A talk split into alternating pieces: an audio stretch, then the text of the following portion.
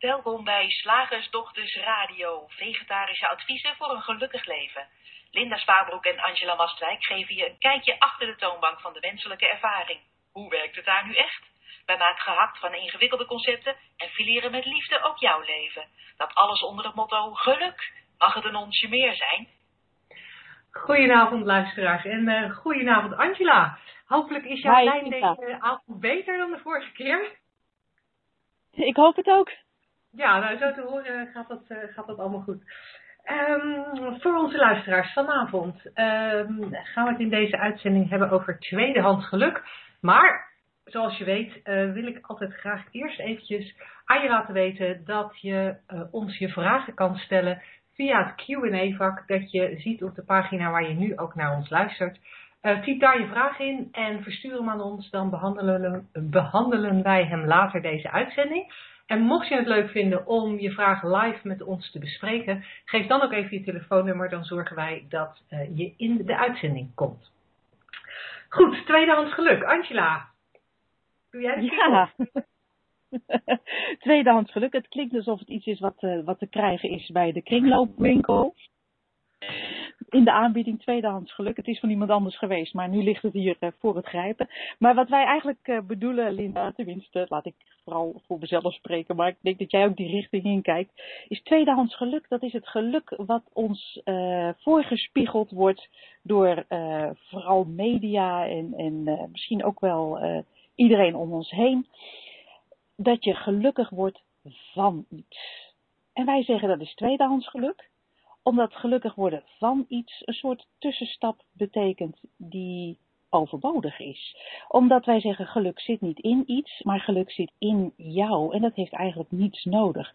Dus vandaar dat tweedehands geluk. En ik vind het een heel groot ding. Want het is overal om ons heen. Ik weet niet hoe dat met jou zit, maar ik uh, heb ja, regelmatig uh, surf ik op het uh, internet. Terwijl ik met andere dingen bezig ben meestal. multitasken. En dan kom ik uh, heel veel reclames vooral tegen. Um, die mij aanbieden om um, iets te leveren, iets op te sturen of uh, tips te geven. Waardoor ik gelukkiger zal zijn in de rest van mijn leven. Al is het alleen maar door een nieuwe broek aan te hebben. En ja, dat bedoelen wij eigenlijk met, met tweedehands geluk, denk ik. Wat jij, Linda? Ja. Ja, nou ja, en dat gaat, dat gaat best wel ver. Hè? Want als je met name kijkt naar reclames, dat was natuurlijk ook waardoor we op dit, uh, uh, eigenlijk op dit item voor vandaag kwamen. Als je gewoon een willekeurig reclameblok neemt op tv, dan zie je allereerst dat je heel gelukkig wordt als je Coca-Cola Light drinkt. Al is het alleen maar omdat je daar een hele strakke, jonge, gespierde jonge man bij geleverd krijgt. Zo lijkt het althans. Maar je leven, is echt, uh, je leven is echt een stuk beter als je Coca-Cola light drinkt of Coca-Cola in zijn algemeenheid. Um, vervolgens um, ja, ben je een betere moeder of een betere huisvrouw als je een bepaald wasmiddel gebruikt. En daar word je natuurlijk ook heel gelukkig van. Dat kan je ook zien aan die mensen uh, die in zo'n reclame spelen. Um, nou ja, en, en weet je welke reclame er ook is, het, uh, het lijkt erop alsof, ja, wat jij al zei, alsof je gelukkiger wordt van die spullen.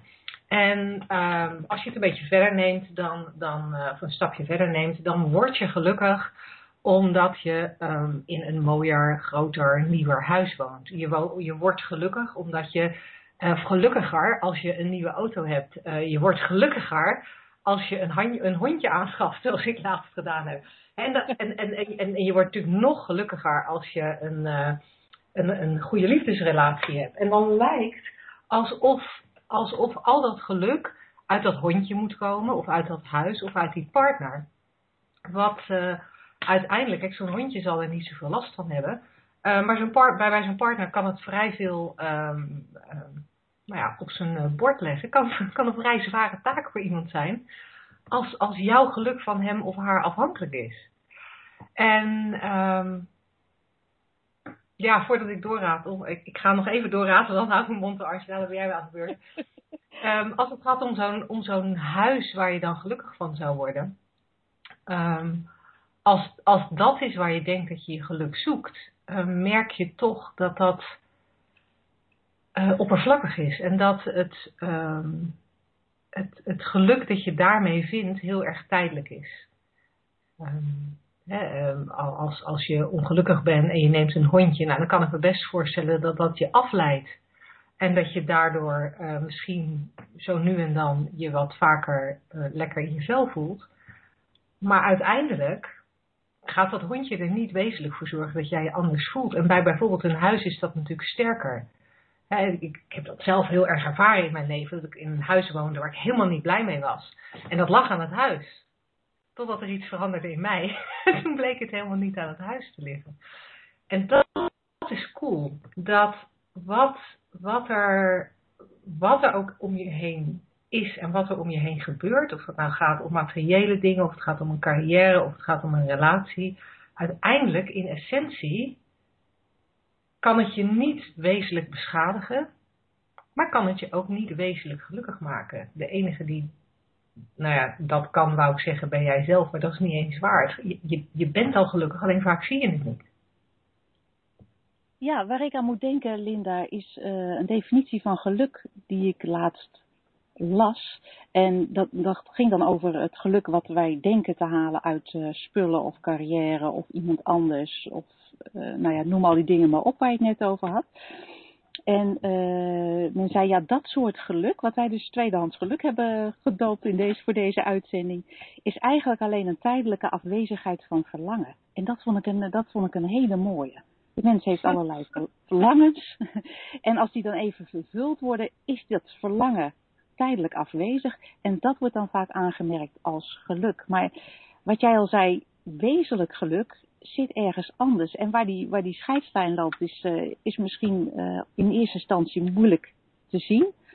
Aan de andere kant denk ik, is het ook heel makkelijk, omdat het is, is het ergens afhankelijk van. Als ik, mezelf die vraag stel, is dit gevoel, en ik noem het dan ook eigenlijk liever vreugde dan geluk, maar dat is, dat is gewoon een uh, semantiek, moet je niet opletten is dit afhankelijk van iets of iemand? En als dat niet zo is, als het mijn basisinstelling is, dan denk ik ook, oh, dit is eerstehands geluk, dat zou kunnen noemen. En wat, uh, wat ook in mij opkwam, is uh, een gesprek wat ik een tijdje geleden had met iemand die ik al heel lang niet had gezien. En deze persoon had altijd een hele stressvolle baan en een relatie die niet zo lekker liep. En uh, ja, was, was altijd uh, had veel last van slaapproblemen. En ik sprak deze persoon en ik zei, hoe gaat het? Want ik wist dat er ondertussen een aantal dingen veranderd waren. Er was een andere baan gekomen, een nieuwe opleiding, een andere partner ook. En ik vroeg, hoe gaat het nu? En toen zei deze persoon, ik ben heel hard op weg om gelukkig te worden. En toen dacht ik, ach lieverd, ach lieverd, het is nu of nooit. Dat wat er in mij opkwam. Want als je op weg bent, dat betekent dat die opleiding moest nog even af. Um, het was nu heel druk in die baan, maar goed, dat werd over twee weken dan weer wat minder. En over zes weken was er weer een vakantie in het verschiet. En die nieuwe partner, nou ja, dat moest dan nog de huishoudens samengevoegd worden en ik weet niet. Maar heel hard op weg om gelukkig te worden. En toen dacht ik, oeh, dit is nou een voorbeeld van tweedehands geluk. Ja, ja, en dat is heel, dat is heel zonde. Hè? Wat je dan natuurlijk ook merkt, is dat je eigenlijk je hele leven aan het streven bent naar, naar dingen. En in het geval van, van, van deze meneer naar, uh, nou ja, banen, huizen, partners, wat, wat het dan ook is. En, en, uh, en uiteindelijk blijft het bij streven, omdat hij uiteindelijk de verkeerde kant op kijkt. Dat wat we natuurlijk in deze uitzendingen wel eens vaker gezegd hebben het geluk komt gewoon niet van buiten. Er is niet zoiets als uh, van buiten naar binnen je leven creëren. Het gaat altijd van, van, uh, van binnen naar buiten. Dus precies andersom dan we vaak denken. Maar dan is het wel interessant, denk ik, om te kijken van oké, hoe kom je dan bij dat eerste, eerstehands geluk? Waar vind je dat dan? Want het is leuk, ja, kijk naar binnen. Um, maar, maar hoe doe je dat? Ja, ja dat, dat is altijd de, de, vraag die opkomt. En het is ook heel vaag om te zeggen, ja, kijk naar binnen, het zit er al. Want, want ja, als je dat op dat moment niet zo voelt, dan kan ik me voorstellen dat je denkt, ja, waar dan? Uh, in mijn buik, in mijn hart, waar is het? Vertel het me. ja. Maar ja, um, als je kijkt naar heel kleine kinderen, dan daar is het vaak goed in te zien. En ik denk dat iedereen zelf ook wel die momenten kent dat je eigenlijk opgaat in, in niet eens een bezigheid, maar in, in wat er op dat moment is. Het hoeft niet een speciale actie te zijn. Het kan ook gewoon zijn uh, ja, nou ja, wat je op dat moment ook maar uh, aan het doen bent of aan het zijn bent. Dat er een soort ja, gevoel opkomt dat alles oké is zoals het is. En met dat gevoel word je eigenlijk geboren volgens mij. Kijk maar naar kleine kinderen die een zandkasteel bouwen of een, of een die storten zich daar helemaal in, zijn helemaal één met alles. Zo zie ik het dan. Ik weet niet hoe dat ervaren wordt, ik kan het me niet meer zo goed herinneren. Maar ik had het hier een, een, eh, een jaar geleden, herinner ik mij over, met een, eh, met een cliënt. En die ineens zei die van, we hadden het ook over waar zit dat dan? Waar moet ik dan kijken? Want het lijkt echt zo te zijn als ik dat vriendinnetje krijg, dat ik dan toch uh, gelukkiger ben dan zonder dat uh, meisje waar ik zo naar verlang. En, en al pratend kwam hij eigenlijk zelf op, op, op een herinnering waar, waarin hij zei, oh ja, ik kan me herinneren dat ik langs het strand liep op blote voeten. En hij was misschien drie jaar, dacht hij zelf. En dat er een gevoel was van wauw. Zonder woorden. Want dat is het vaak, hè. Zodra we de woorden aan gaan geven, dan wordt het alweer discutabel. Of heeft iemand anders daar een andere ervaring mee en kan je daarover gaan, uh, gaan debatteren. En dat, dat, dat is juist niet wat, uh, waar we naar verwijzen. Maar ik denk dat we allemaal dat soort momenten wel kennen. Vreugde om niks.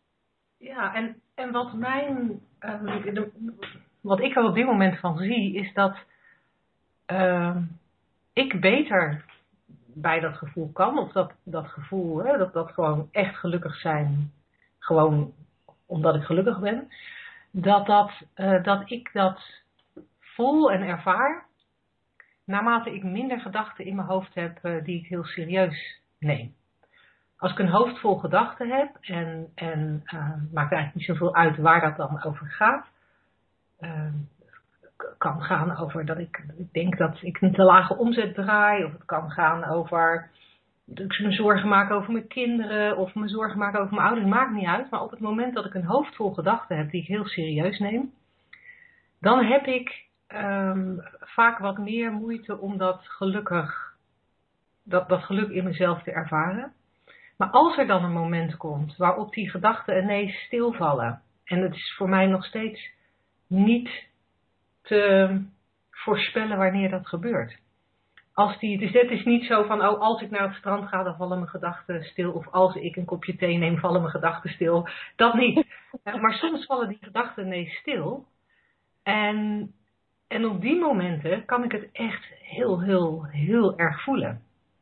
En um, ja, het is wel en wat ik, ja, wat ik, en wat ik voor mezelf ook gemerkt heb, is dat naarmate ik langer in, in, in deze richting van de drie principes kijk, dat ik wel wat beter word, voor zover je daar goed in kan worden, om, uh, ja, om, om nu ik, nee, laat ik het anders zeggen doordat ik op een gegeven moment ging ervaren, ook als volwassene, ik hoefde er niet voor terug te kijken naar, naar een periode als kind, maar ik ging gewoon in mijn huidige leven ervaren, oh wauw, dit is dus dat gevoel, gewoon dat wat helemaal uit mezelf komt. En uh, er zijn mensen die noemen dat het gevoel van thuis. En in de, de, de Amerikanen en de Engelsen, waar wij veel uh, over dit, dit gedachtegoed mee spreken, hebben het dan over home. Het gevoel van home.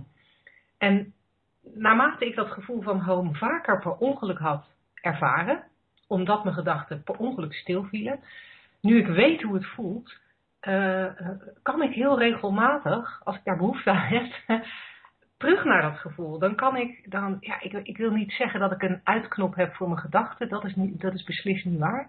Maar ik kan er wel veel makkelijker bij. Dus ook als ik een hoofd vol gedachten heb, kan ik nu vaak wel even terug naar uh, zit het er nog. En ja, ik geloof al die gedachten wel.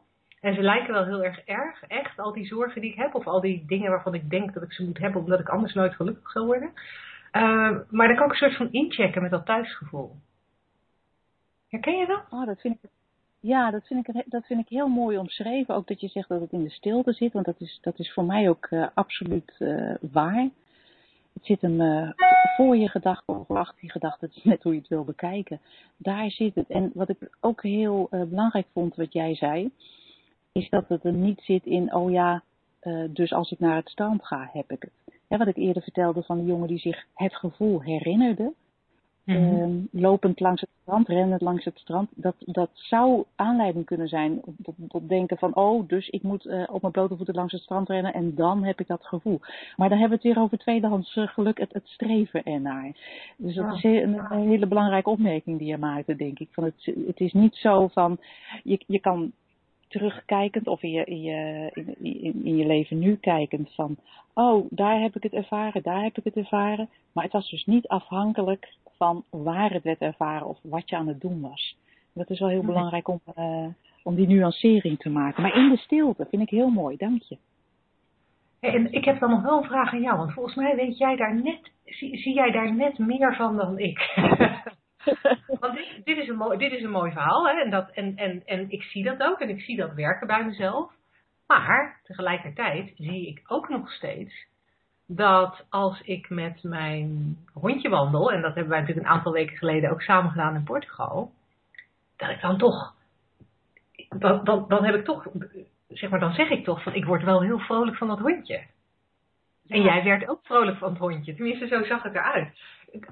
Kan jij daar iets over zeggen? Want, de buitenwereld is er wel. En die, daar heb je wel interactie mee waar je op reageert. Ja, dat lijkt ook inderdaad zo te zijn. En, en, en het is ook bijna niet los te koppelen in, in de menselijke ervaring die we hebben.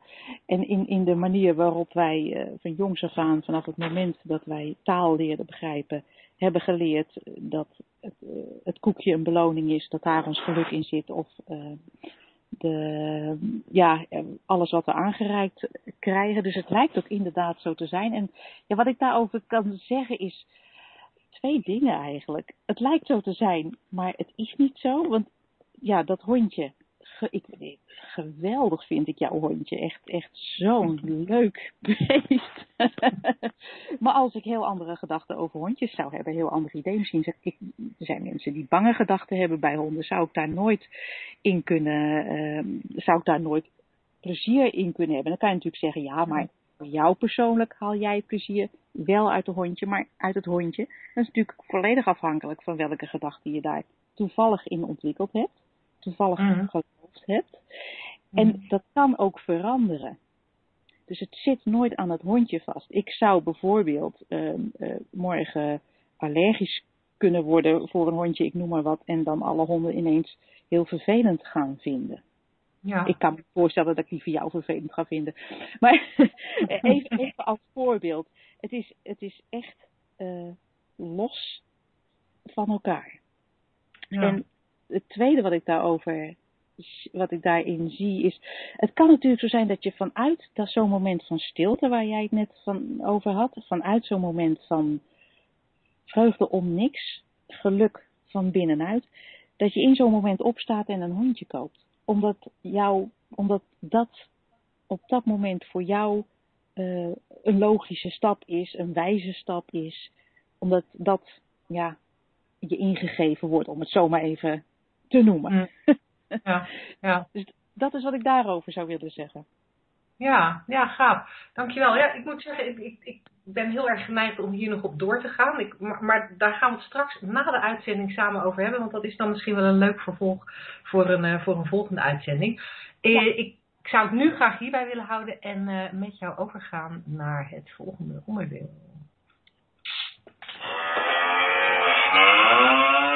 Slagersdochters, wat zit er in de leverworst?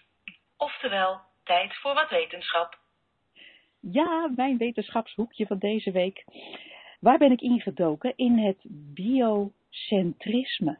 Nou, ik had er zelf nog nooit van gehoord. Ja, biocentrisme. Ik had het nooit van gehoord, moet ik je eerlijk bekennen. Maar ik kwam, eh, ik kwam het zomaar tegen. Het, eh, het heeft me in de schoot geworpen. En waar gaat dit over? De vraag waarom wij hier zijn. Hele interessante vraag. Ik geloof dat niemand hem echt eh, eh, ooit eh, bevredigend heeft beantwoord. In ieder geval niet op een manier waar iedereen, waarop iedereen het ermee eens is. Maar Robert Lanza, een Amerikaanse wetenschapper en onderzoeker, is in deze vraag gedoken. En deze meneer is, heeft een grote rol gespeeld in stamcelonderzoek en ook het, het klonen van cellen. En daar is hij een heel best wel beroemd wetenschapper mee geworden. Hij behoort tot eh, tot de top, ik noem maar wat hoor, 50 belangrijkste of meest invloedrijke wetenschappers van de wereld, wordt van hem gezegd. Maar de theorie die hij um, ontwikkeld heeft een paar jaar geleden, biocentrisme waar we het nu over hebben, dat heeft hem toch een, een beetje wat sceptische reacties opgeleverd. Maar ik vind hem heel interessant en daarom gaan we het nu uh-huh. daar even over hebben. Waarom leven wij op deze planeet? En die vraag vindt hij bijzonder interessant omdat ja, er is een, schijnbaar een hele lange evolutie uh, vooraf gegaan aan, aan, aan het mens zijn. Uh, tot, om tot de ontwikkeling te komen zoals we nu zijn. Maar dat hele universum is erop gericht op onze overleving. Want was het al iets warmer in de kosmos, dan zouden we hier niet zijn. Als het iets kouder was, zouden we hier ook niet zijn. Als de zwaartekracht ook maar een heel klein beetje anders zou zijn als dat die nu is, dan zouden we er niet zijn. Want dan zouden, zou de zon en de planeten heel anders uh, geconfigureerd zijn. Als uh, de samenstelling van de lucht, ik noem maar wat, ook maar ietsje anders zou zijn, zou de mens niet kunnen bestaan. Dus eigenlijk lijkt het alsof het ongelooflijk toevallig is dat wij kunnen bestaan zoals wij bestaan. En mhm. andere theorieën die daarop in, die daar uh, over gaan, die zeiden van nou ja, er zijn gewoon uh, uh, oneindig veel universums. En, en in dit universum is toevallig alles goed gegaan en is de mens er. Nou, dat leek hem een beetje onwaarschijnlijk, deze Robert Lanza. En daarom kwam hij dus met de theorie biocentrisme. En waar hij van uitgegaan is, hij zegt, ik heb eerst aangenomen dat de Big Bang, die grote knal waarmee alles begonnen zou moeten zijn, niet het begin van een fysieke ketting is van oorzaak en gevolg, maar het einde. Want als we het zo bekijken, kunnen we het een en ander verklaren, zegt hij. En waar het uiteindelijk op neerkomt, is dat ons bewustzijn een heel belangrijke rol heeft gespeeld in het ontstaan van het universum. Het universum, zegt meneer Lanza, is het product van leven en bewustzijn. En niet andersom. Dat hebben we eerder ook al gezien hè, in de kwantumfysica, die zei dat ook. Deze meneer komt er dus via een andere theorie op dezelfde conclusie. En dat vond ik heel erg leuk. Kijk, hij zegt de klassieke Big Bang theorie, die enorme oerknal, die uh, doet ons wel het verleden begrijpen, zegt hij. Maar kan niet de drijvende kracht achter het universum bevatten. Ja, tot een tijdje geleden, toen, toen de kwantumfysica er nog niet was, was het universum uh, nog een verzameling levenloze elementaire deeltjes die tegen elkaar botsten als een soort uurwerk, hè? het, mechanistische wereldbeeld. Maar wetenschappers zijn er natuurlijk al een tijdje uh, tot ontdekking gekomen dat een, bepaal, dat een bepalende component component van de kosmos het bewustzijn is. Alleen de harde wetenschappers weten niet wat ze daarmee aan moeten. Het is een mysterie. Nou, uh, die Big Bang gaan we even naar terug. Uh, veel geluk, zeiden we dus. en ik, ik, zit hier even ondertussen ook mee te lezen, vandaar dat ik even haper. Dus Robert Lanza zegt, het biocentrisme zegt, niet het universum creëert het leven, maar het leven creëert het universum. En dat kan alleen als tijd en ruimte niet objectief zijn, maar subjectief. Hé, hey, dat hebben we eerder ook al gezien, hè? Bij, uh, bij retrocausaliteit en zo. Ja. Nou, biocentrisme wil een theorie over alles zijn en stelt dat wij, dus de waarnemers, daar heb je hem ook weer, zelf tijd en ruimte creëren in onze hersens. Hij heeft daar een boek over geschreven samen met een astronoom. En hij zegt daarin: bekijk alles rondom je op dit moment. Taal en gewoonte beweren, hè, zo hebben wij leren denken, leren zien dat alles buiten onszelf ligt, dat hele universum. Mhm. Maar je ogen zijn niet een toegang tot de wereld. Alles wat je ervaart, inclusief je lichaam, maakt deel uit van een actief proces. En waar speelt dat zich af? In je geest ruimte en tijd zijn gewoon instrumenten van die geest om alles een beetje te laten kloppen. Anders zouden we als mens niets begrijpen van deze wereld, zegt hij. Hij haalt ook Stephen Hawking en Leonard Mlodinov aan, ook niet de minste op uh, wetenschappelijk gebied. Want die hebben recent allebei ook opgemerkt, je kan de waarnemer, wij dus, niet loskoppelen van onze waarnemingen van de wereld. Wat de klassieke fysica ook zegt, dat moeten we maar als niet uh, uh, waar beschouwen. Want wat we nu weten is uit de kwantummechanica onder, onder andere dat het verleden en de toekomst ze liggen niet vast, maar zijn alleen maar een spectrum van mogelijkheden. Zowel het verleden als de toekomst. Een spectrum van mogelijkheden waarvan wij dus nu, op dit moment, met onze geest, één mogelijkheid van maken. Hmm. Wat blijft er dan over van de evolutietheorie, hebben wij meneer Lanza gevraagd. Zoals we die op school geleerd hebben. Hè? Want we waren eerst apen en toen gingen we recht lopen. En toen, eh, hoe kan het verleden bestaan als we het heden eh, nog moeten bepalen met ons bewustzijn? Nou, en Lessons beweert dus ook dat het verleden begint bij de waarnemer en niet andersom. En dus de beroemde vraag van uh, als er een boom omvalt in een, in een uh, bos en er is geen waarnemer, is er dan geluid? Nou, zijn antwoord is, is dus nee.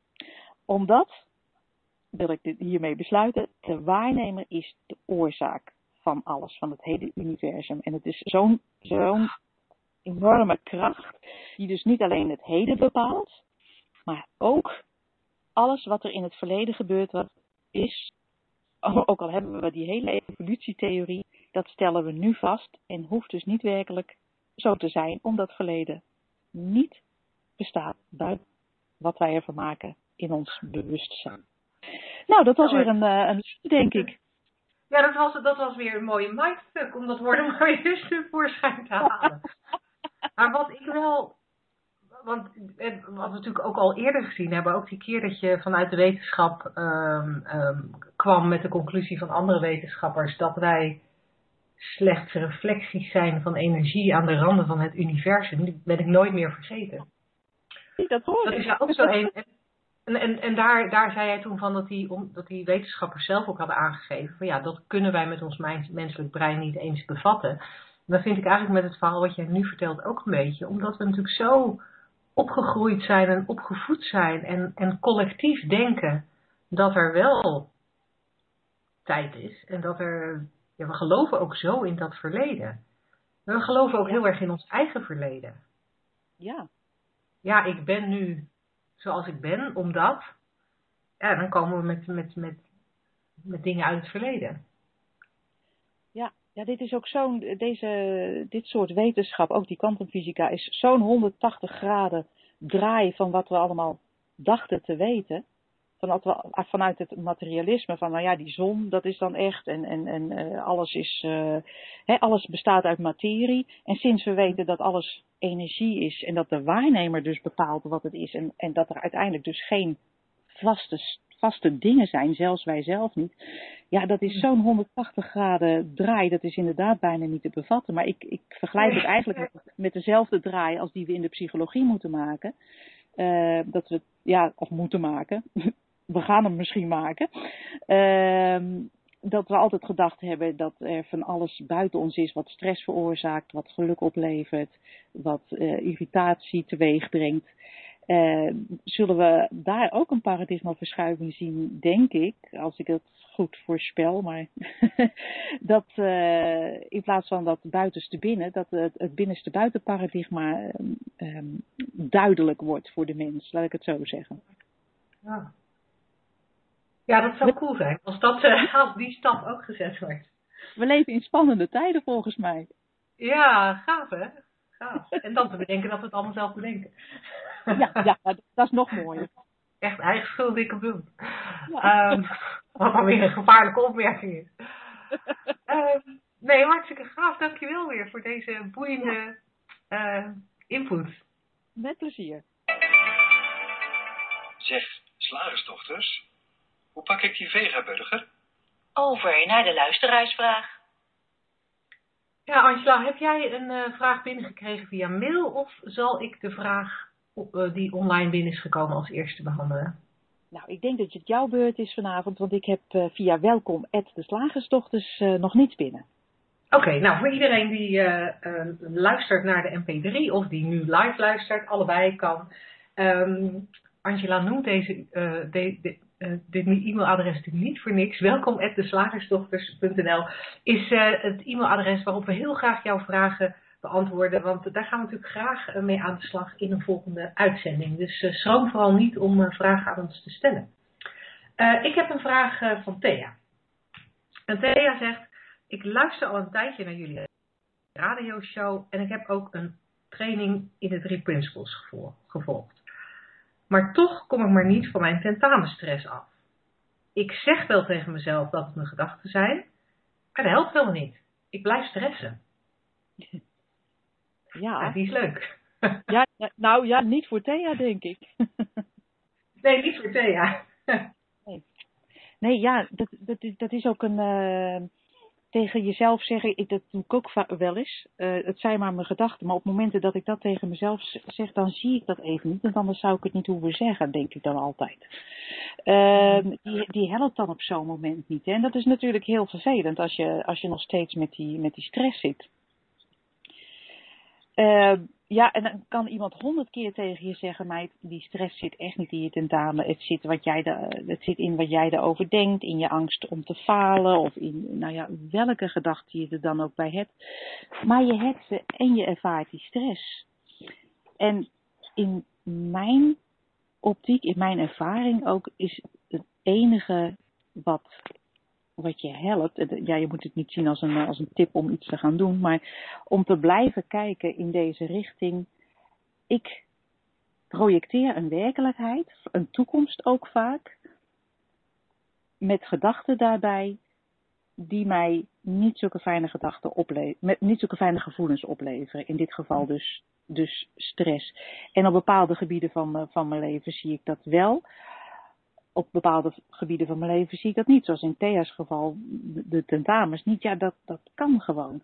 Maar ik denk als je, dat zeg jij ook altijd zo mooi Linda, van als je blijft kijken van waar het wel werkt, zal het je vanzelf steeds duidelijker worden. Want als je eenmaal een, um, ja, als er eenmaal een scheurtje zit in je wereldbeeld, als er eenmaal op een bepaald vlak gezien is, hé, hey, het werkt precies andersom als dat ik altijd dacht uh, dat hondje maakt me niet gelukkig. Dat doe ik zelf. Uh, het halen, al dan niet halen van het tentamen heeft totaal geen invloed op mijn, um, op mijn staat van zijn. Althans, hoeft het niet te hebben als ik dit neutraal zou zien. Um, als je het op één vlak ziet, ja, als er een klein scheurtje is gekomen in je wereldbeeld, kan het haast niet anders als dat, dat, dat daar steeds meer licht doorheen komt. Zo zie ik het maar. En dat je het op steeds meer vlakken gaat zien. En ondertussen, ja, wat doe je nou met die, met die, met die stress? Voor die tentamen. Ja, dat, dat blijft natuurlijk de vraag. Ja, en dat, en dat is een hele interessante. Um, omdat wij met z'n allen bedacht hebben dat je um, altijd gelukkig moet zijn. En rustig moet zijn en ontspannen moet zijn. En hoe dat rustig en ontspannen er dan uitziet, daar hebben we ook uh, uh, ja, maatstaven voor. Mm -hmm rustig, ja, rustig moet wel in het hokje passen wat jij bedacht hebt voor rustig. Maar de menselijke ervaring is er één met, met emoties. En als je, als je kijkt naar Sidney Banks, de grondlegger van dit gedachtegoed, die, of niet, ja, dat, dat klopt eigenlijk niet, hè, want hij is natuurlijk niet de grondlegger. Het is gewoon een wetmatigheid, maar wij, hij, uh, hij, die er altijd al geweest is. Uh, uh, vanaf het begin uh, der tijden. Maar hij is wel degene die het geformuleerd heeft, die wetmatigheid geformuleerd heeft uh, op de manier waarop wij erover spreken. En ehm, wat wou ik daar ook weer over zeggen? Oh ja, Sidney gaf, gaf ook altijd aan van het. we leven de menselijke ervaring en in die menselijke ervaring zullen we altijd onderhevig zijn aan de wetmatigheid van de drie principes. Dus we zullen altijd onderhevig zijn aan gedachten, bewustzijn en mind. En of wij nou, of we dat nou leuk vinden of niet, die, die wetmatigheid is er. Dus die zal altijd spelen. Dus er zullen altijd dingen um, zijn waar je gedachten over hebt, waar je bewustzijn een hele film van creëert. En dat is oké. En Sydney had een soort rust daarin, uh, straalde een soort rust daarin uit dat, dat het ook oké was om die menselijke ervaring uh, te hebben. En en uh, jij, jij uh, Artja, appte mij van de week over een privé dingetje en daar zei jij dat ook heel mooi in tegen mij. Van, weet je, geniet van, ja, geniet van alle emoties. Je, je zei net even iets anders, maar het kwam er wel op neer van dat de angst die ik voelde, maar ook de blijdschap die ik voelde, dat dat allemaal oké was. En wat ik het interessante vind en wat ik, wat ik zelf in de situatie uh, waar, waarover ik Angela appte uh, heel duidelijk heb gemerkt, dat oké, ik, ik, ik, ik, omdat ik natuurlijk weet dat Angela gelijk heeft en dat ik dat zelf ook al vaker heb, heb uh, zien werken. Maar het was wel heel fijn dat ze me hielp herinneren. Had ik zoiets, oh ja, ja, het is ook oké. Het is de menselijke ervaring. Daar zitten, daar zitten de spannende dingen bij. Daar zitten de zorgen bij. Daar zit de stress bij. Maar er zit ook dat hele, dat hele geweldige en dat hele fijne. Wat ik zelf heb gemerkt, dat gisteravond over die situatie waar, waarover ik Angela appte, dat ik dat, dat ineens mijn hoofd stil werd over dat onderwerp. En, en toen was het duidelijk. Toen was er geen twijfel, helemaal niks. En ik kan me voorstellen dat dat voor Thea ook zou kunnen gebeuren. Op enig moment dat, dat, dat, dat, dat als ze het oké vindt dat die stress er is.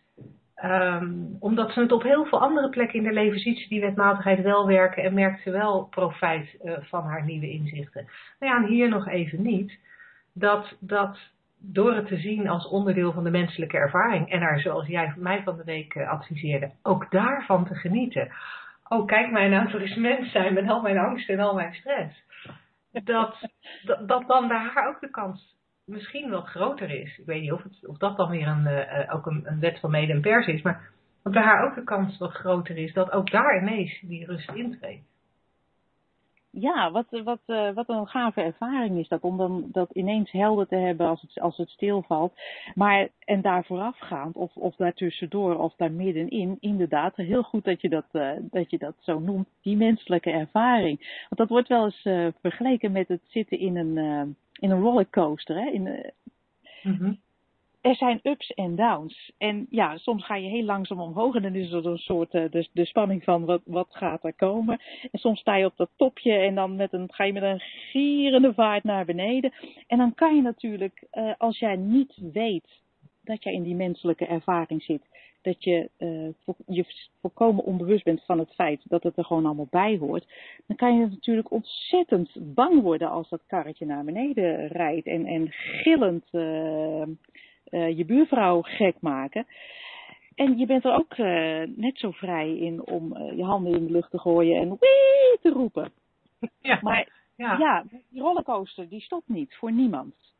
En het lijkt ook een soort alsof dat ook helemaal niet hoeft als ik me bedenk, wij, wij vergelijken in de Three Principles ook wel eens het leven met een soort, uh, soort toneelstuk wat opgevoerd wordt. Hè, of een film waar je dan uh, zelf in meespeelt en je alle emoties ervaart van, uh, van de hoofdrolspeler die je dan bent. Maar kijk eens naar wat voor soort films je graag kijkt. Als er helemaal niets gebeurt en je bent als, en de hoofdrolspeler is compleet vlak in zijn emoties, altijd helemaal zen. En uh, alles gaat, uh, gaat helemaal uh, door hem of haar heen. En er wordt nooit, er worden nooit stressvolle gedachten geloofd. Zo saai als ik weet niet wat. Ja. We kijken, ja. we, kijken, we kijken liever naar een film waar iemand af en toe helemaal uit zijn panty gaat van, van ellende. En, en, en, dat het dan ook wel weer goed komt. En dat geeft ook helemaal niks, inderdaad. Ga lekker uit je panty van de ellende. Geniet daar ook van. En daar kan je ook van genieten. Als er ergens op de achtergrond het besef is: ik zit in die film. Of ik zit in dat karretje in die rollercoaster. En, en, en wat, ik, wat, ik, in het kader van die rollercoaster graag heel, heel graag zou willen toevoegen is. Um, een metafoor die ik volgens mij van voor het eerst van uh, Michael Newell heb uh, gehoord.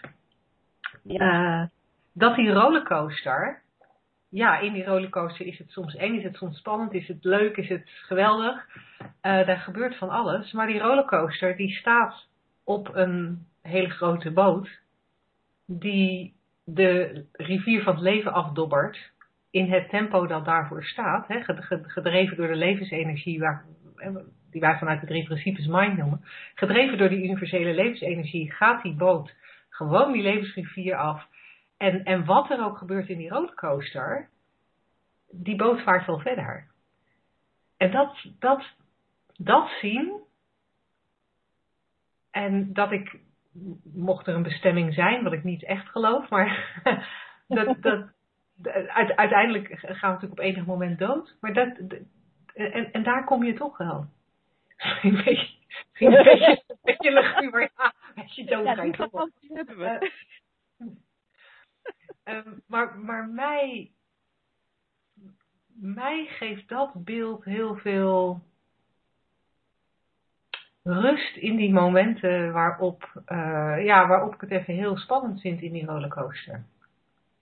Ja, dat, dat vind ik ook een, een hele, mooie, hele mooie metafoor, een heel mooi beeld. Ik gebruik hem zelf ook wel eens. En ja, ik zie Thea al helemaal zitten. Ze zit nu op de, op de top van zo'n uh, van zo'n uh, slinger in die rollercoaster. En dat karretje gaat naar beneden en wee! Maar ondertussen wel met de zekerheid, die boot gaat door. En er, is een, er, er wordt voorbij een tentamen gevaren, hoe dan ook. Waarschijnlijk. Ja. En ja, dat wordt gehaald of niet gehaald. En dan is er weer een, een, een volgende bocht in de rivier. En, en die boot die gaat gewoon door. En, en of Thea nou gillend in de karretje zit. Of genietend in de karretje. Of uh, uh, ja, spugend over de rand van het bakje hangt. dat maakt voor de boot niet zo heel veel uit. En dan is het best fijn om te weten dat dat niet zo heel veel uitmaakt. Want dan kan je er ook wel eens anders naar kijken. Je hoeft inderdaad die gedachten of die gevoelens uh, allebei helemaal niet kwijt. Nee, nee. En dat geeft dan ook weer zoveel rust. dat ze ineens weg zijn. nou ja dat, ja, dat geeft zoveel rust dat ze weg zijn, inderdaad. Omdat dan inderdaad je hoofd ook weer veel meer ruimte krijgt. Ja, cool. Nou, Thea, ik hoop uh, dat je hier een klein beetje mee geholpen bent. En uh, dat het je helpt om te genieten van jouw tentamenstress. En dan gaan wij heel graag over naar het laatste onderdeel van deze radioshow. Woensdag, gehaktdag. Zeg slagersdochters, welk concept gaat er vandaag door de molen? Ja, het concept van vandaag. Uh, het is een hele leuke en uh, veel gehoorde, tenminste, wat mij betreft. En hij luidt: Je moet wel de drive hebben om iets te bereiken. Ja. Wauw. Nou, als we hem gaan ontleden, dan, uh, dan hebben we nog een extra uitzending nodig, denk ik. nou, begin, begin toch maar. Ik bedoel, we, we, we, we staan hier achter de toonbank van de slagerij, dus been maar uit, Angela. ja, je moet vind ik al een leuke, want ik denk van we zijn als mens zoveel vrijer dan, uh, dan, dan het lijkt. Want het lijkt inderdaad, als je kijkt in de, vooral in de westerse maatschappij, want daar leven we toch met z'n allen in, dat er van alles moet. Ik las vandaag een uitspraak van Alan Watts. Dat is een, uh, een filosoof, hij is inmiddels overleden. Hij komt uit het zen-boeddhisme. En dat, ik weet het niet precies hoor, maar hij, hij ging zoiets van, uh, de, de, de mens die loopt maar rond alsof er iets te bereiken is. Terwijl het doel van het leven is dat je er bent. Ja. That's it. En verder ja, moet er ja. niks. Kijk, en dat je dan verder gewoon uh, leuke dingen doet en uh, um, dingen creëert en, en, en plezier hebt, hoop ik. En ook af en toe wat minder leuke dingen meemaakt. Ja, maar je hoeft nergens naartoe. Je bent er al. Je bent gewoon geboren. Uh, daar, dat is al alles wat je hoeft te bereiken. Je haalt adem. Bravo, zou ik willen zeggen. En je moet verder niks, maar het mag natuurlijk wel. En want het is ook leuk om iets, te, om, om iets te doen. En die drive, daar kan jij heel veel over vertellen, denk ik. Want daar heb jij erg veel uh, nou, last zou ik niet, niet willen zeggen. Maar jij had een enorme drive, denk ik. Ik had een enorme drive, ja. En uh, ik had ook zeg maar het soort drive zoals de buitenwereld dat graag ziet. Uh, eentje, eentje die, die dan bewonderd wordt. En uh, je hoort al dat ik het met enig sarcasme zeg een drive die bewonderd wordt, want mijn drive was heel erg om uh, een goed bedrijf neer te zetten, veel mensen te helpen, veel geld te verdienen, zodat ik veel goed voor mijn kinderen kon zorgen en veel uh, mooie reizen kon maken en, en een in een groot huis kon wonen. Doe en, uh, wat zeg je? Doe maar, zei ik. Doe maar, ja. En um, die drive, die, um, nou ja, die zorgde er inderdaad voor dat ik um, stappen zette.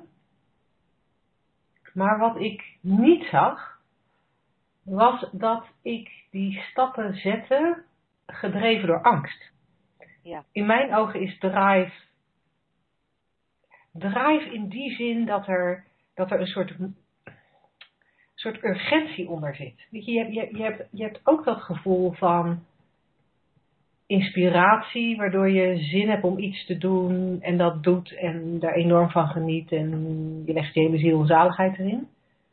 Um, maar drive, zoals ik die heb ervaren, ehm, daar, daar, daar, daar zit in mijn gevoel een angst onder.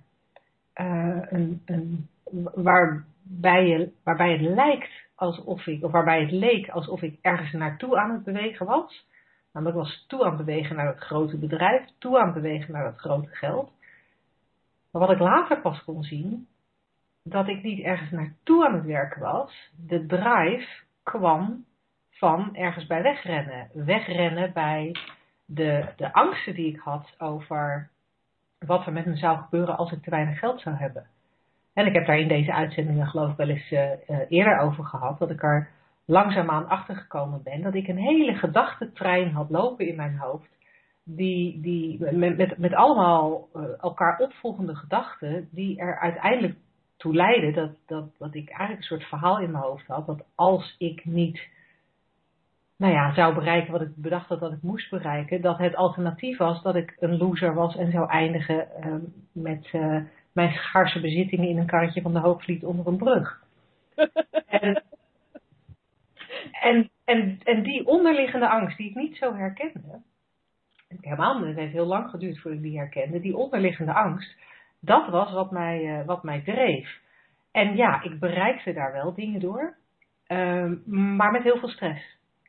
En met onrust. En ja, ook een bepaalde, ik wil niet zeggen, ik weet niet, ik wou zeggen hardheid. Ik geloof niet dat het direct hardheid was, maar er, er zat wel iets, um, volgens mij iets minder prettigs in me. Wat wel aantrekkelijk was voor veel mensen, omdat het uh, mensen aansprak die een beetje dezelfde type angsten uh, hebben als ik uh, toen had.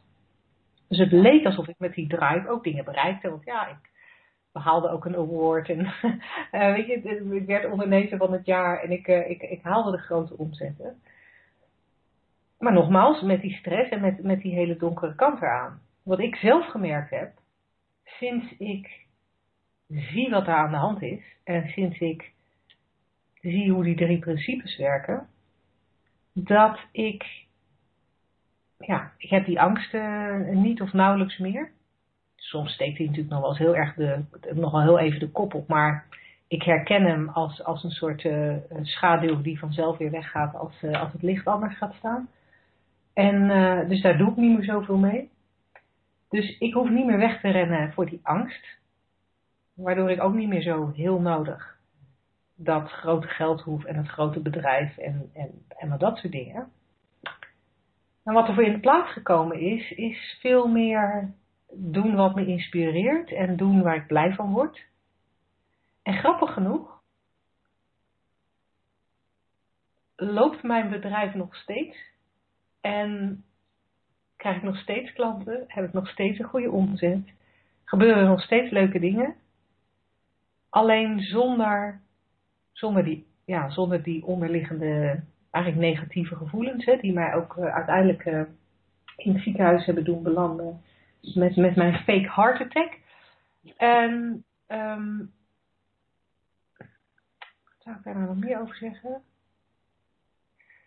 Ja, en ik zie, ik, ik zie dus meer en meer dat je met drive jezelf heel erg voorbij loopt en eigenlijk ook een uh, soort spookbeeld najaagt. Een soort, soort Fata Morgana najaagt. Opnieuw omdat je denkt dat je daar dan gelukkiger van wordt. Omdat je denkt dat je van wat je wil bereiken de, de, de, het gevoel van veiligheid krijgt, het gevoel van controle, of dat je daar gelukkig van wordt. Eigenlijk toch ook weer dat tweedehands geluk waar we het aan het begin van de uitzending over hadden. Ja, en ik zie, ik, ja, en ik zie meer en meer, en dat is volgens mij heb jij daar nog meer ervaring mee dan ik, dat er nog steeds dingen uit je handen komen. Ook als je geen drive hebt in de klassieke zin van het woord. Als je gewoon levenslust hebt, dan doe je van alles. En voor mij heeft levenslust wel echt een heel, andere, een heel ander gevoel dan drive. Ja, ik vond het heel mooi dat je weer terugkwam inderdaad op het tweedehands geluk. Want dat was precies wat er in mij opkomt, opkwam terwijl jij aan het uh, praten was. Van uh, de, de klassieke drive, zoals jij hem noemt, is heel vaak het streven naar dat uh, iets wat ons geluk moet opleveren. Dus inderdaad dat, dat tweedehands geluk weer. Terwijl het inderdaad totaal niet inhoudt dat je niets meer doet, maar meer zoals jij nu werkt, vanuit inspiratie, dingen die je leuk vindt. En ook weer kijkend naar kleine kinderen, die hebben soms een enorme drive om een zandkasteel te bouwen of een tekening te maken of um, iets met de poppen te doen. En wat het voor mij een groot uh, verschil in zit met, met, laten we het maar even de klassieke drive en, en de Three Principles drive noemen. Hebben we hier gewoon een, nieuw concept geschapen met z'n tweeën. Um, is dat het, het niet afhankelijk is van het resultaat of je ervan geniet. Het gaat om het genieten van het doen zelf, het geïnspireerd bezig zijn. En uh, wat je ermee bereikt is eigenlijk niet zo interessant. Want je weet, je bent al gelukkig in het doen, in de inspiratie, in het niks. Mm-hmm. En van daaruit sta je op en doe je dingen. En ja, je kan iets bereiken, maar het zou ook kunnen dat het, uh, dat het nergens toe leidt. Maar ook dat maakt naar mijn idee in, in, in, deze, in de moderne drive niet meer uit. Dan kan je natuurlijk zeggen, ja, maar ik moet nog wel eten. En dan komen we weer in de klassieke drive zoals jij die had, gedreven door angst. Dus ja, um, ja.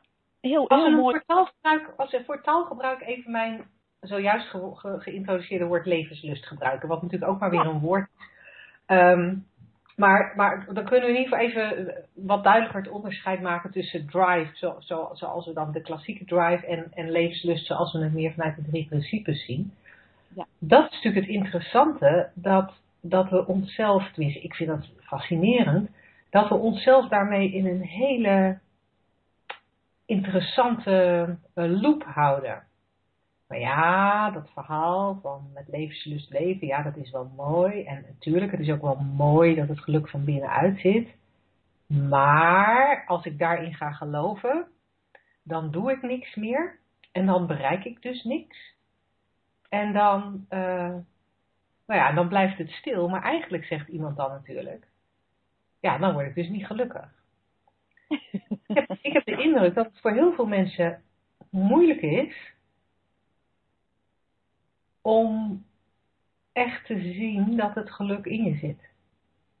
En zolang je dat niet ziet, blijf je vasthouden aan concepten buiten je, blijf je vasthouden aan, aan de noodzaak van dingen bereiken. En blijf je ook vasthouden aan de. Ja, blijf je een soort van trouw aan de angsten die je hebt uh, opgebouwd uh, rondom geld of status. Of ja, dan kan je nogal eens meer hebben waar je, waar, waar je drive zich op richt. Ja, inderdaad. Dus wat jij eerder ook al meldde, die veiligheid is een, uh, is een hele grote, denk ik. Ik weet niet of ik dat al eerder verteld heb, maar uh, over de zandkastelenbouwer hier in, uh, in, Port, in de zuidkust van Portugal. Nee, volgens mij niet. Nee, daar, er is een, een, een, een man, dat is een Duitse man, en die bouwt elke dag, tenminste voor zover ik, ik, heb hier, ik breng nu hier mijn vierde winter door en al die winters zie ik hem, altijd als ik in dat plaatsje ben, zie ik hem zandkastelen bouwen. Zijn ook elke keer nog dezelfde, dus er zit niet heel erg veel creativiteit in. maar uh, zo af en toe hebben wij een, uh, een, gesprekje met deze Duitse man die, die in een uh, afgekeurd krop leeft. En hij vertelt dan dat hij nog wel familie heeft in Duitsland. En als hij dus eventueel terug zou gaan, zou hij daar wat meer zekerheid kunnen hebben, was mijn idee. Hè? Want dan kan je, nou ja, of een uh, baan vinden, of, of een uitkering aanvragen. Of, en dat kan hij hier allemaal niet, want hij leeft hier gewoon als, als zwerver eigenlijk, met een paar honden en elke dag die zandkastelen. Dus ik dacht van, oh, weet je, een, een, een ticket van hier naar Duitsland, dat kost natuurlijk helemaal niks. Ik dacht, we moeten die man helpen en hem gewoon uh, een keer een ticket cadeau doen, zodat hij terug kan uh, naar Duitsland. Want dit is natuurlijk, ja, zo uh, in zo'n krot wonen zonder stromend water en elektriciteit. En dat is natuurlijk helemaal niks. En, maar op een gegeven moment hadden wij een gesprek met hem en hij gaf gewoon aan, nee, maar dit is gewoon, dit is wat ik doe. Dit is, dit is helemaal, hij had helemaal geen verlangen naar, naar veiligheid of uh, familie of uh, geld zoals wij dat dan dachten dat belangrijk zou zijn. Dat hij in ieder geval elke dag kon eten. Uh, maar dat was, voor hem speelde dat helemaal niet mee. Hij was, hij was helemaal oké in wat hij deed. En ja, dat zag er voor ons natuurlijk uit als een soort niet oké, maar dat was een hele mooie, hele mooie les voor ons. Die omstandigheden, dat, dat, het, het doet er dus blijkbaar niets toe. nee, en de mogelijkheid om eruit te komen, maar dat was helemaal, uh, helemaal zijn drive niet. Nee, nee. Nee, en wat ik, wat ik het um, daarnaast het boeiende vind, hè, want dit is dan een voorbeeld van iemand die, nou ja, in onze ogen weinig tot niets heeft. Ja. Ik kan me voorstellen dat dat, dat, dat uh, niet echt rust geeft aan veel van onze luisteraars. Omdat ze bij zichzelf denken, ja, als ik dan zeg maar mijn drive loslaat en een beetje een beetje meega wat die dames allemaal vertellen over de drie principes, dan eindig ik uh, in Portugal, moet ik elke dag hetzelfde zandkasteel bouwen.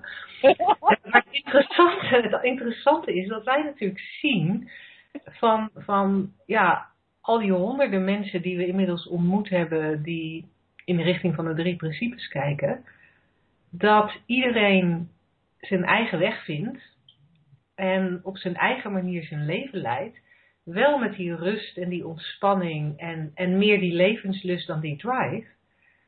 Uh, en dat daar ook heel veel mensen tussen zitten die wel een groot huis hebben, een, een, een, een goed lopend bedrijf. En, weet je, dus, dus de, de levenslust, uh, die, die leidt bij iedereen tot, uh, tot andere dingen. Maar juist omdat er achter die levenslust, creativiteit en inspiratie uh, schuil gaat, terwijl er achter drive in mijn ogen angst en controle schuil gaan, lijkt die levenslust veel meer mogelijkheden te scheppen.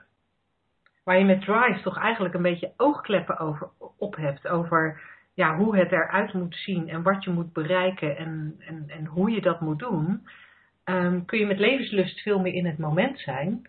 En in het moment dienen zich soms dingen aan, of vanuit jezelf, vanuit inspiratie, of toch vanuit die buitenwereld waar we nou eenmaal, hoe dan ook, zelfs als we hem zelf creëren, maar daar hebben we mee te maken, dienen zich, dienen zich dingen aan en, en krijg je nieuwe gedachten en nieuwe ideeën en, en ontstaan er um, dingen. Um, ontstaan er projecten, ontstaan er connecties, ontstaan er relaties. En ja, ik weet niet hoe jij er tegenaan kijkt, Angela, maar dan lijkt het toch alsof als je vanuit die levenslust kunt leven, alsof dan de, alsof er leukere en spannender en interessantere dingen. Misschien geef ik nu ook, leg ik ergens gewicht aan waar het niet is, maar dat, dat daar dan weer dingen gebeuren die die levenslust bijna nog groter maken. En ik weet dat dat in contradictie is met wat we net zeiden, hè, van het komt niet van de dingen buiten je, het komt van de dingen in je. Maar het lijkt wel alsof wanneer je die levenslust één keer ruimte geeft, dat hij het overneemt of zo. En het, het steeds leuker wordt allemaal. Zit ik nou een beetje op mijn preekstoel? nou, ik vind, het, ik vind het echt heel goed klinken. Nee, ik denk dat het ook inderdaad zo een beetje werkt. Ik moest ook denken aan de uitspraak van uh, George Pransky, een in Amerika grote bekende psycholoog op dit uh, gebied van de Three Principles. Die zegt, ik doe alleen maar wat er in mijn schoot wordt geworpen. En dat lijkt dus ook, daar lijkt totaal geen drive achter te zitten, maar uh, hem een beetje volgend vanaf de zijlijn zie ik dat hij allemaal uh, overal wordt uitgenodigd om te spreken, allemaal grote klanten heeft. En, dus ik geef natuurlijk. Oh, een Porsche. Ja. ik, ik, geef natuurlijk met, met, uh, met de zwervende Duitser die zandkastelen bouwt een extreem voorbeeld. Maar het, het, het is gewoon meer open. Alles, het lijkt inderdaad alsof je meer mogelijkheden ziet. En, want zonder de, de oogkleppen van de drive op, is er inderdaad de mogelijkheid dat je midden in een project denkt, oh, nou ga ik dat doen. En dan ja. naar iets anders switcht, wat misschien net weer beter past of leuker is. Of de wereld ligt aan je voeten. Ja, heerlijk.